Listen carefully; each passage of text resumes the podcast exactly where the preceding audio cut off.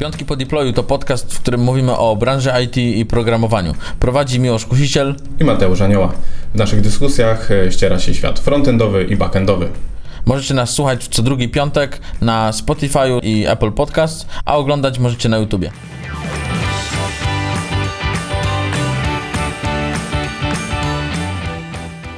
Witam Was bardzo serdecznie w 19 odcinku Piątków po Deploy. E, dzisiaj porozmawiamy sobie o pracy testera w Software House.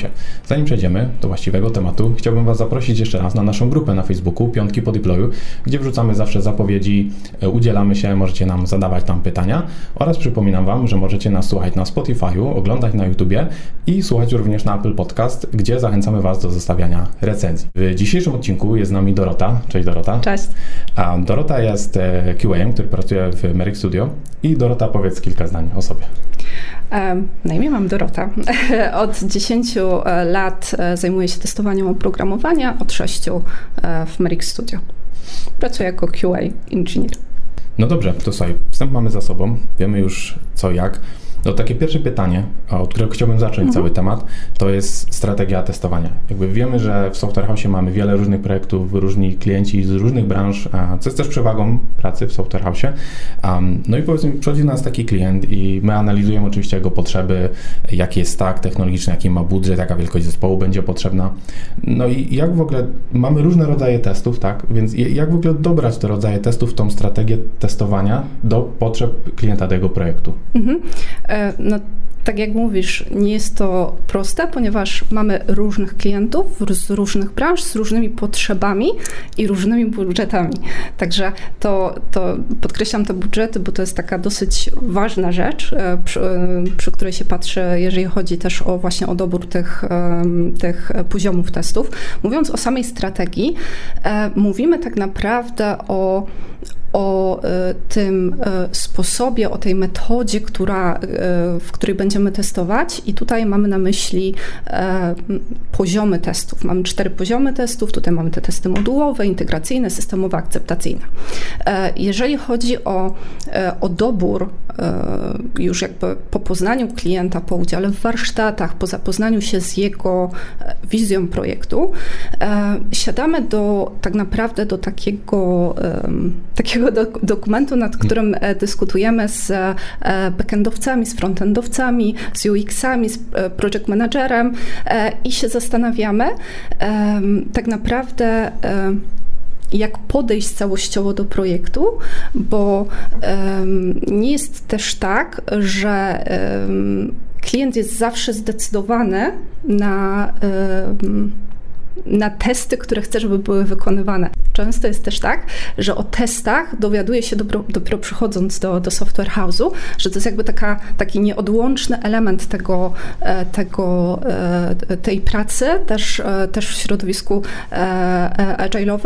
agile'owych, w metodykach zwinnych. I tak naprawdę nie tylko sam projekt, ale nie tylko branża, ale też to, jakie klient ma oczekiwania, jakie związane są z tym ryzyka, wpływa na to, co proponujemy. Wiadomo, że w piramidzie testowej na samym dole, tym, tym podwaliną, są testy modułowe. Testy modułowe nie są wykonywane akurat przez nas, przez e, testerów czy e, QA-ów, e, ale są wykonywane przez programistów. I to powinna być taka podstawa. Następne są integracyjne, i tutaj już mówimy na przykład o testach interfejsów, na przykład są to testy API, Później mamy testy, e, testy UI-owe e, i tutaj e, możemy mieć na przykład testy end-to-end, które sprawdzają ogólne procesy biznesowe mm, i później, później mamy te testy akceptacyjne już wykonywane przez klienta. Także my w swojej pracy skupiamy się na tych integracyjnych i systemowych. Jeżeli w projekcie powstaje po naszej stronie API, to zawsze jest to proponowane poziom testów i później już te typy testów są też proponowane, e, takie, które, e, które jakby naj, naj, w najlepszy sposób jak najszybciej wykryją te bugi, bo im wcześniej bugi są wykryte, tym szybciej można je naprawić i tym jest mniejszy koszt ich naprawy. Powiedz mi, bo to wydaje mi się, że na ważną rzecz zwróciłeś mhm. uwagę, że jeżeli klient przychodzi, no to on ma wizję jakąś projektu, tak. no on może nie być techniczny, może w ogóle, wiesz, nie wiedzieć, że takie coś jak takie testy istnieje, tak. strategia testowania i, i tak dalej. I teraz, czy w pewnym sensie takie testy możemy traktować jako coś co, co jest takim dodatkiem, co mhm. nam zapobiega, powiedzmy, no, temu też długowi technologicznemu. Mhm. E, I czy trudno jest takiego klienta do tego przekonać? Mhm. No właśnie to jest pytanie. Mamy tych klientów, którzy są bardziej zorientowani mhm. technicznie i technologicznie e, i mniej. E, dla klientów e, zorientowanych mniej często jest też tak, że on jakby nam zostawia to, jak ten projekt zostanie wykonany. E, czyli e, po naszej stronie jest wizja, po naszej stronie e, zapewniamy to, że, że te bugi zostaną jak najwcześniej wykryte i jakby ta, ta jakość będzie, będzie już na, na bardzo takich niskich poziomach tworzenia oprogramowania zapewniona. Klient bardziej zorientowany technicznie, on ma już jakąś wizję produktu i projektu, w którym będziemy, będziemy uczestniczyć, bardzo często widzi tą potrzebę testów, bo e, wie, że jeżeli chodzi o testowanie e, w metodykach zwinnych, no to e, ta jakość jest troszeczkę rozłożona po wszystkich członkach zespołu, ale no, osobą, która dba o to, która jest tym łącznikiem, która, która, która jakby spaja to, że, że ta jakość powinna być zapewniona, no jest właśnie tester QA tak, e, engineer. engineer specjalista. specjalista, tak. E, jeżeli chodzi o, e, o tych klientów, to jakby często zdarza się tak, że mm, Mamy na przykład do wyboru iluś, ileś języków programowania, w którym klient chce, żeby te, te e, testy API powstały. E, i też jest zorientowany na to, że testy end-to-end są na przykład potrzebne, ponieważ one właśnie sprawdzają procesy biznesowe, czyli one nie sprawdzają małych wycinków e, systemu, ale sprawdzają załóżmy założenie konta przez użytkownika, zalogowanie, dodanie produktu do koszyka i stworzenie zamówienia nie? i wylogowanie. Czyli one są jakby taką, taką, ta, taką całościową wizją, która sprawdza, że te e, to, co zostało, e, to, co zostało e, stworzone, no, spełnia te, te warunki, które, które powinny być spełnione. Powiedz mi, bo co, co mnie jeszcze zastanawia, jakby jeżeli programiści wyceniają mhm. jakiś projekt też, no i po stronie programistów są unit testy, no, no to mm, jakby oni też mogą do tego podejść na przykład na zasadzie tam, nie wiem, 30-40%, na przykład mhm. dodać 50%, a mniej więcej jakąś ogólną wartość w stosunku do tego, jeżeli wiemy, jaki ma być code coverage, na przykład, mhm. co chcemy, Pewnie. co chcemy osiągnąć, a czy wtedy wycena jednak całej strategii testowania nie, no nie możemy przyjąć pewnie na, na zasadzie jakiegoś tam, UE to dodamy teraz, nie wiem, wiesz, tam 20, 30, 40, 50%, nie? Mhm. Nie, nie jest to dobre, ponieważ e, no, te wartości są bardzo różne, też e, patrząc na to, jak, e, jak działają sprinty, w których, w których pracujemy. Tak naprawdę E, może być tak, że e, w jednym sprincie nad jedną funkcjonalnością będziemy i od strony testów API pracować, i od strony, e, od strony takich testów manualnych.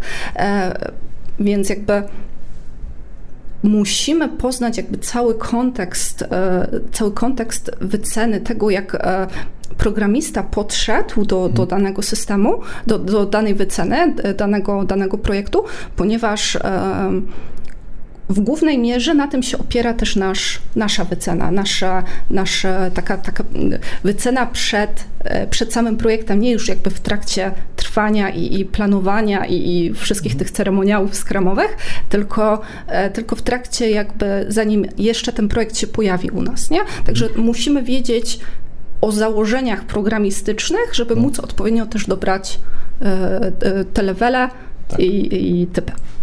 No, jak jesteśmy przy tych założeniach początkowych, mm -hmm. czy musimy je znać, no to częścią tych założeń jest, jaki, w jakim staku będziemy pracować. Tak. I teraz no, chodzi taki żart w internecie, nie? Mm -hmm. że wiesz, jakby y, w jednym projekcie, no to o, o, o błędach nam mówią testy, mhm. a w PHP o błędach nam mówią użytkownicy albo klient.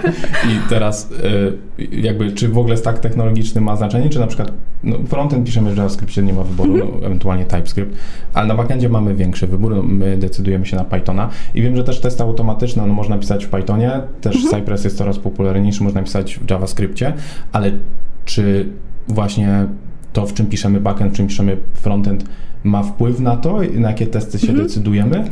E, to znaczy, e, jakby podchodząc tak e, do tego, e, że na przykład jakiś framework jest użyty po, po backendzie i później powstaje, powstaje API, to nie ma to dużego wpływu na, na testy. Trochę te komunikaty błędów są oczywiście e, inne, jak, e, jak coś tam no. E, nie zadziała na przykład.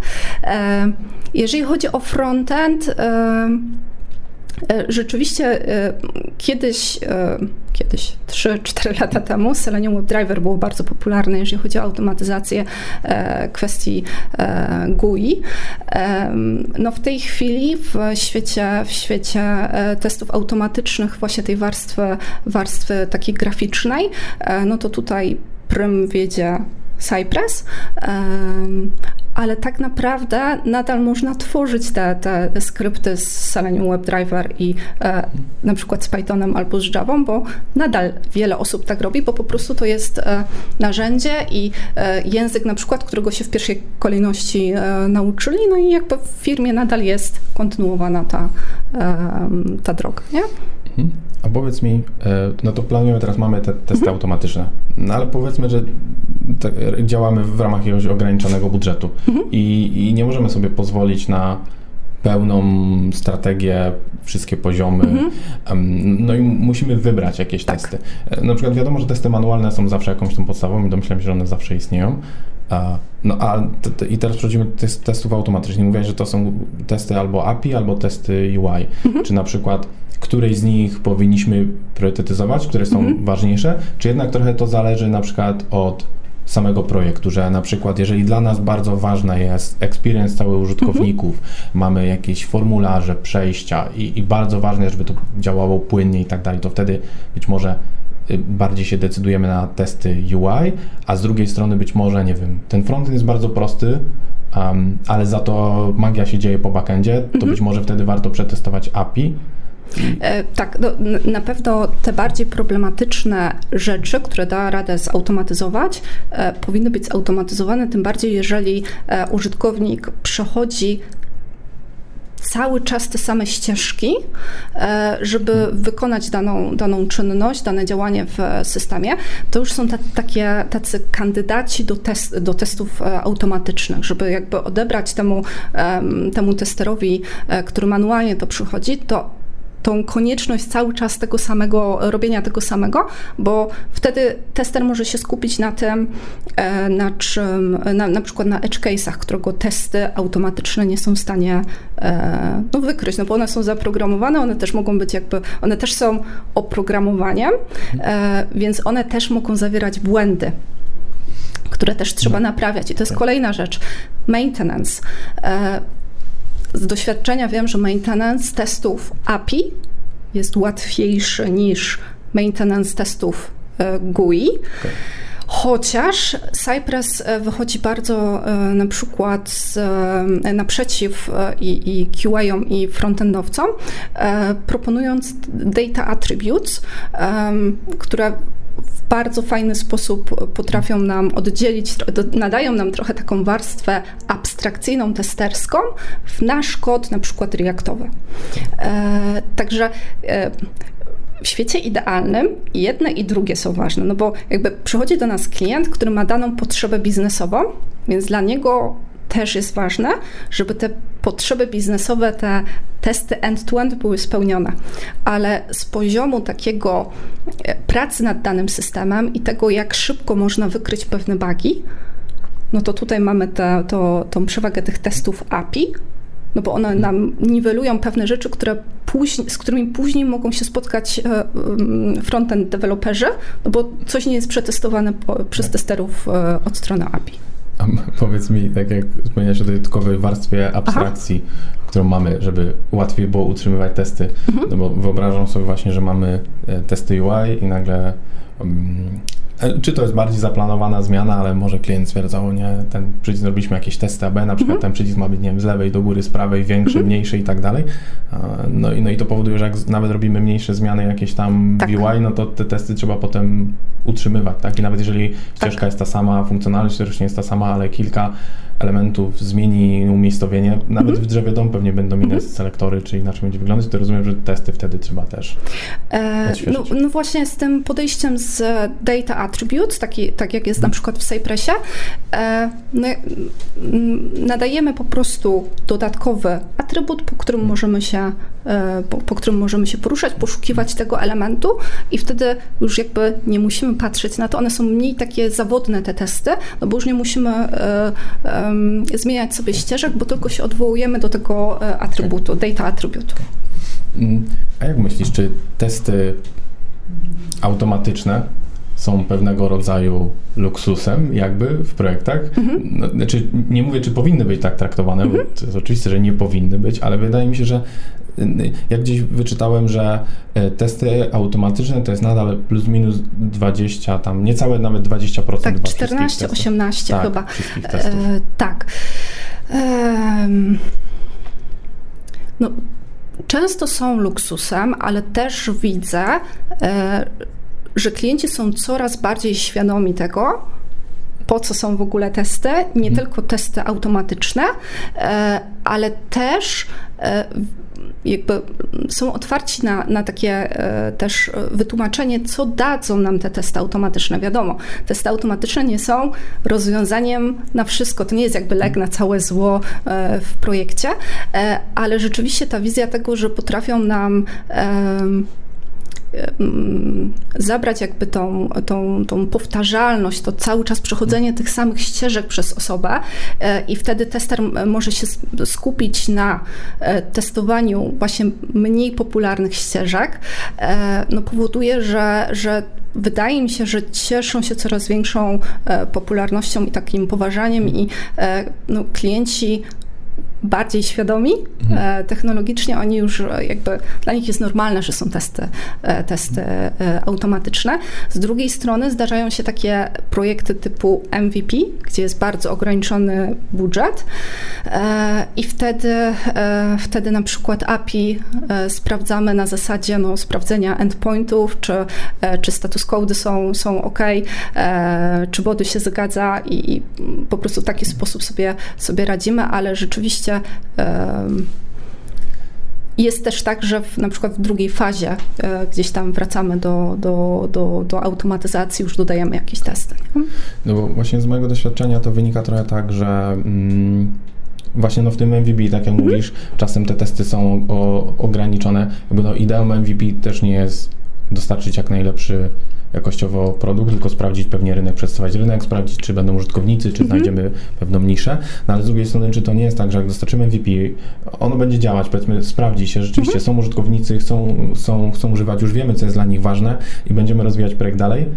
No i teraz, Tak. czy możemy te testy dodać, albo czy zmienić tą strategię? Bo wydaje mi się, że wtedy no ciężko jakby... Znaczy, sama strategia nie powinna być jakby w projektach e, zmieniana, no ale rzeczywiście zdarza się tak, że, że klient na przykład się sam odzywa w sprawie, w sprawie tej automatyzacji, o której było wspomniane w pierwszej fazie i dopiero w drugiej fazie się znalazły dodatkowe pieniądze e, na to.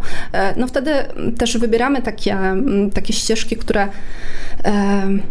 od strony takiej właśnie biznesowej jest warto pokryć automa, e, automatami, tak żeby, e, żeby no jak najbardziej to spełniało takie, mm, takie potrzeby e, klienckie już tego no, wyższego poziomu, czyli nie to, co się dzieje gdzieś tam głęboko, tylko czy to doświadczenie tego użytkownika no jest ok, nie? Czy on może wykonać te czynności, które temu, temu klientowi przynoszą pieniądze po prostu, nie?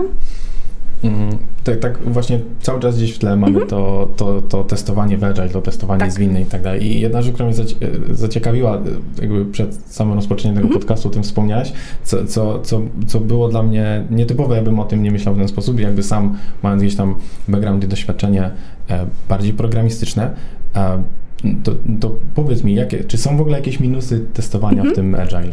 E, Wydaje mi się, że takim e, minusem albo czymś, co może nie być komfortowe dla wszystkich, jest e, bardzo duży nacisk, który jest położony nie tylko na testera, ale na cały zespół, e, na komunikację. Ta komunikacja musi być stale na różnych, mhm. poprzez różne kanały, czy to, czy to zdzwanianie się, no teraz mamy pandemię, więc no nie wszyscy są też, też w biurze, ale przed pandemią no często było tak, że w ciągu dnia się wstaje na przykład od biurka z 20 razy idzie się coś przegadać, wchodzi się na kole, pisze się na Slacku, dopytuje się, jakby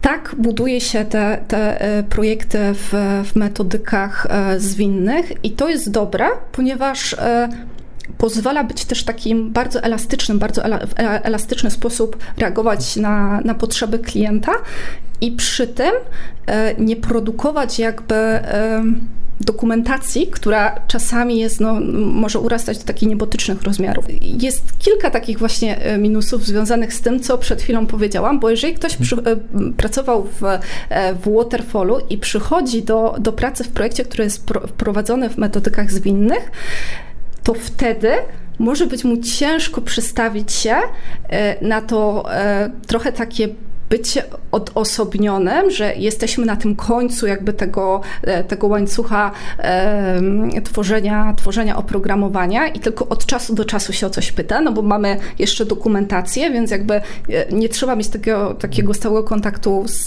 z, zespołem, a tutaj rzeczywiście jest taki zupełnie, e, zupełnie na odwrót, że trzeba być bardzo właśnie, bardzo, bardzo stawiać na tą komunikację.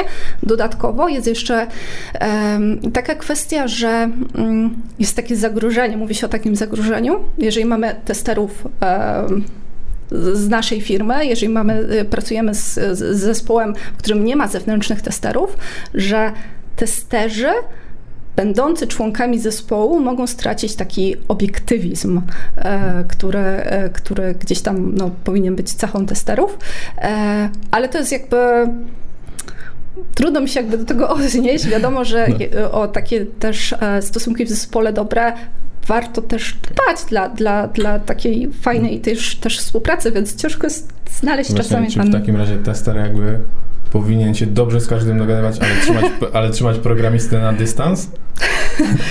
Dobre Może pytanie. będzie jeszcze liczyć, że wiesz, nie będziesz błędów zgłaszać. nie, ale rzeczywiście... Myślałem, że się lubimy. Teraz cię wywalę ze znajomych na Facebooku. E, prawda jest taka, że e, no, trzeba zachować dystans jakby do tego, co sprawdzamy, niezależnie od tego, kto to zrobił. Możemy się bardzo lubić z tą osobą, ale jakby to, że znajdujemy bugi, e, jakieś usterki, to nie jest nic osobistego. Jasne. Mm, no to powiedz mi, już tak pomału odchodząc mm -hmm. może od tych, od tych projektów i, i właśnie rozmawiając o, o testerach w Software, w software House, pomimo tego, że testy są nadal gdzieś może, testy automatyczne są nadal mhm. niewielką częścią wszystkich testów, które wykonujemy, ale czy to już jest tak, że każdy, każdy tester musi znać automaty mhm. i testy automatyczne? Wydaje mi się, że nie musi, ale to zależy od profilu firmy, bo y, prawda jest taka, że duża część ludzi, którzy chce zostać, e, którzy poszli w ogóle w kierunku zostania testerami i, i są testerami, jakby automatyzacja nie była pierwszą rzeczą, która ich do mhm. tego przyciągnęła. Są oczywiście okay. też tacy, dla których to jest jakby taki, e, dopiero się zainteresowali testowaniem, no bo właśnie mhm. automatyzacja. E, ale no trzeba pamiętać, że e, automatyzacja dla testera jest trochę takim dodatkowym narzędziem, dodatkowym narzędziem. E, I e, jeżeli jesteśmy w projekcie, w którym mamy różne poziomy testów, mamy różne typy, wiele rzeczy wymaga różnych, różnych podejść, wiele funkcjonalności w różny sposób powinna być przetestowana, no to wtedy im więcej ta osoba ma umiejętności, tym mhm. lepiej dla projektu. Okay. No bo ja przyznam, że też zastanawiałem się i tak sobie porównywałem trochę do frontendowców mhm. na przykład, bo teraz się zdarza, że frontendowcy którzy się uczą albo wchodzą dopiero do branży, no to sobie patrzą, o React, Angular, mhm. fajnie, w ogóle React Native mhm. i nie wiem jeszcze jakie tam narzędzia, w ogóle Full Stack JS I, i, i mam wrażenie, że oni właśnie próbują przeskoczyć. Nie mówię HTML-a i CSS-a, jakby żeby to było jakieś super ważne, ale czasem mam wrażenie, że oni się skupiają bardzo na tej logice, że będą pisać fajny kod, a potem przychodzi to do czego trzeba zrobić modal, na przykład na iOSie, na Safari, mhm. albo trzeba zrobić slider na jakimś tam Chromie, albo na pociąć Androidzie. szablon. Albo pociąć szablon po prostu, czy w ogóle zrobić jakiś layout nietypowy i się okazuje, mhm. że to im sprawia naprawdę trudności, a nie, mhm. a nie na przykład komunikacja z API. I czy właśnie zastanawiam się, czy wśród testerów też tak nie jest, że jakby czy ta automatyzacja wiesz, jakby, że, że, żeby nie zabrakło znowu tych podstaw właśnie, że, mm -hmm. że, że każdy myśli, o, testy automatyczne, będę pisał tu w Cypressie, mm -hmm. też JS, czy, czy, czy w Pythonie testy automatyczne, tak naprawdę się okaże, że zabraknie tych podstaw mm -hmm. z testowania. No, y, tak jak powiedziałam, y, automatyzacja jest jednym z narzędzi, które tester e, ma i e, które powinien wykorzystywać i e, no po to to jest, żeby ułatwić też, też wiele rzeczy i żeby no, mm, na jak najwcześniejszym etapie wykryć te usterki. No, prawda jest taka, że, że moim zdaniem fajnie jest mieć tę podstawę, fajnie jest móc, móc powiedzieć, że się na przykład przerobiło ten sylabus jest QB, który gdzieś tam pokazuje, z jakimi, z jakimi pojęciami będziemy też, e, też pracować. E, warto jest czytać blogi, warto jest czytać, e, czytać też takie historie ludzi, którzy zmienili na przykład mhm. branżę i zaczęli testować, no bo to też pokazuje, jakie mogły być wyobrażenia, a jak to wygląda w praktyce, że tak naprawdę no, mm, jest automatyzacja, i na przykład można przez pół roku robić tylko testy automatyczne, bo będziemy mieć taki projekt, ale bywa też tak, że mamy testy manualne na przemian z automatyzacją, z przewagą jednak tych testów manualnych.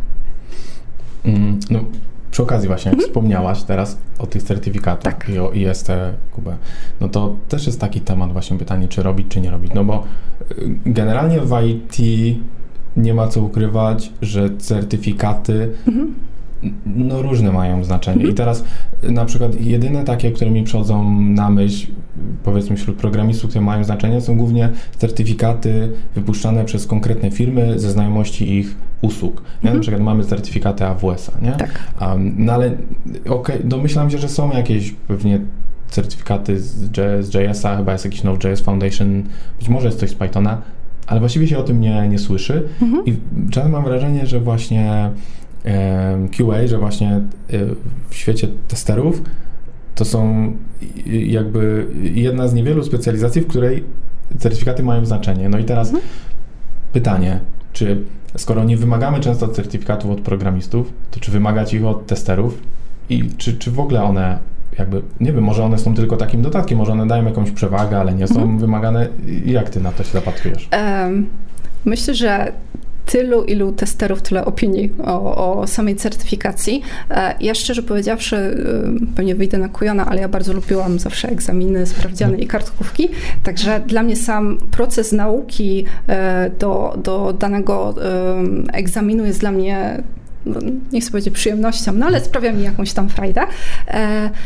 I dla mnie bardzo fajne jest na przykład w certyfikatach ISTQB to, że są, że one porządkują trochę nam tą wiedzę, że one nam pozwalają spojrzeć jakby całościowo, zebrać te wszystkie informacje, które, z którymi się codziennie spotykamy, y, różne, różne podejścia, y, zebrać w jedno i wiedzieć, co do czego można wykorzystać. To jest, to jest jakby bardzo fajne.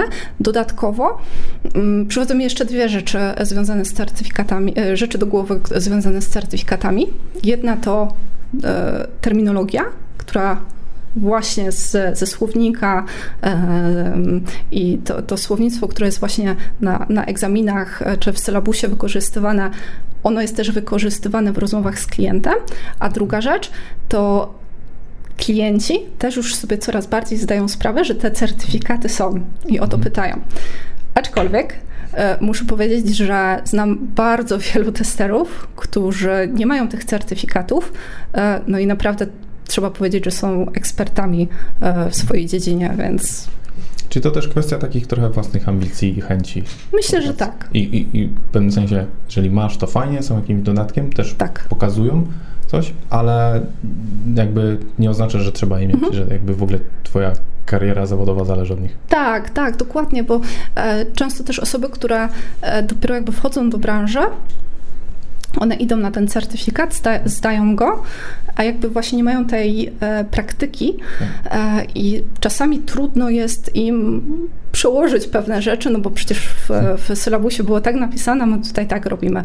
Em, Trzeba troszeczkę na te certyfikaty, właśnie na te, te egzaminy tak spojrzeć trochę tak przez pryzmat tego, jak też rzeczywiście się, e, w rzeczywisty sposób się pracuje w projektach. E, No, i- ja jakby bardzo lubię te certyfikaty i, i w ogóle egzaminy, także Właśnie y, tak mi się teraz skojarzyło o tym, co mówi, że, że, że ktoś przeszedł ten kurs, ma jakąś wiedzę i tak dalej i teraz porównuje, o, że tam było inaczej i tak dalej. Jakby i ja też się spotkałem z takim podejściem, że na przykład osoby, które pracowały w dużo większych firmach, w korporacjach, które na przykład przechodzi to jest tak zwany digital transformation Aha. i teraz cały dział IT przechodzi szkolenia właśnie z Agile'a, ze Scruma i tworzą zespoły, tak, i mamy te spotkania i tak dalej. No i gdzieś tam sobie dyskutowaliśmy i opowiadam, jak u nas wygląda cały workflow projektu, jakie mamy spotkania, jakie nie. On, I na przykład, ale tamto spotkanie to za długie, ale ono powinno być to przed tym i tak dalej. A ja mówię, no stąd podchodzimy elastycznie od tego, jakby każdy projekt jest No różny tak. i tak dalej. I miałem wrażenie, że właśnie czasem ktoś tak mówił, za bardzo wtedy myślał książkowo. książkowo, trochę, tak, tak, tak, No. tak. No, no trzeba sobie to jakoś tak wypośrodkować po prostu, no. No dobrze, tutaj jedno pytanie jeszcze na koniec, takie w Mhm. ogóle o, mm, o przyszłości. Mówimy o tych testach automatycznych, mówimy o tych różnych Mhm. strategiach i powiedz mi, czy patrząc w przyszłość, Mhm. Pozbędziemy się kiedykolwiek testów manualnych? Czy w ogóle powinniśmy? Bo, Mhm. bo tu wspominałaś o tych edge case'ach, że jakby powtarzalne scenariusze automatyzujemy, a edge case'y plus jakieś nowe rzeczy pewnie sobie testujemy Mhm. manualnie. No, ale czy w, czy w takim razie w ogóle powinniśmy myśleć o ich rezygnacji? Czy one są nieodzowną częścią tego Em, testowania? Z perspektywy testera powiem tak, jeżeli chcemy coś przed, y, zautomatyzować, musimy najpierw i tak przejść ścieżkę manualnie. Więc moim zdaniem i tak podstawą zostaną testy, testy manualne. E, Dodatkowo w testowaniu takim e, zwinnym też duży nacisk kładziemy na testowanie eksploracyjne. W sumie to testowanie eksploracyjne e, jest dosyć przestarzałym e, terminem Okej. e, e, i ogólnie o, o samym testowaniu eksploracyjnym powinno się podobno używać terminu testowanie, no bo e, każde testowanie ma e, na celu e, zbadanie czegoś, przestudiowanie, nauczenie się jakiegoś systemu, zadawanie pytań, kwestionowanie czegoś i tak dalej, i tak dalej. A jeżeli chodzi o, o, o te- testowanie eksploracyjne, no to właśnie jest taką też częścią tego, jak się pracuje w, e, w, w Agile'u, ponieważ nie, nie zawsze te e, wymagania e, w user stories na przykład, one są spisane. Także i tak musi być ten nakład pracy manualnej i tego przemyślenia tego, jakie pytania zadać, żeby móc, móc po prostu później też stworzyć testy automatyczne. Dodatkowo testy automatyczne, już chyba dzisiaj mówiłam, e, że są też zawodne, no bo one też są tworzone przez ludzi, więc również w tych testach, jako że to jest oprogramowanie, mogą być bugi. No tak, Także czyli zawsze trzeba będzie przeklikiwać mimo Zawsze. wszystko. tak, Tak, zawsze trzeba będzie wziąć to nawet najlepiej fizyczne urządzenie tak, i na nim sobie przeklikać. tak. Dobrze. To słuchaj, myślę, że przeszliśmy sobie fajnie przez, przez projekty, przez strategię testów, e, jak, je, mm, jak zadecydować o nich. Przeszliśmy też sobie trochę o, o testerze w samym Software House i tego, mm, powiedzmy, w jakim kierunku się może powinniśmy rozwijać, na co zwrócić uwagę. Um, dziękuję Wam uprzejmie za wysłanie 19 odcinka Piątków po Deployu. Przypominam, słuchajcie nas na e, Spotify'u, na Apple Podcast i oglądajcie nas na YouTubie. Dzięki i do zobaczenia za dwa tygodnie. Pozdrowienia.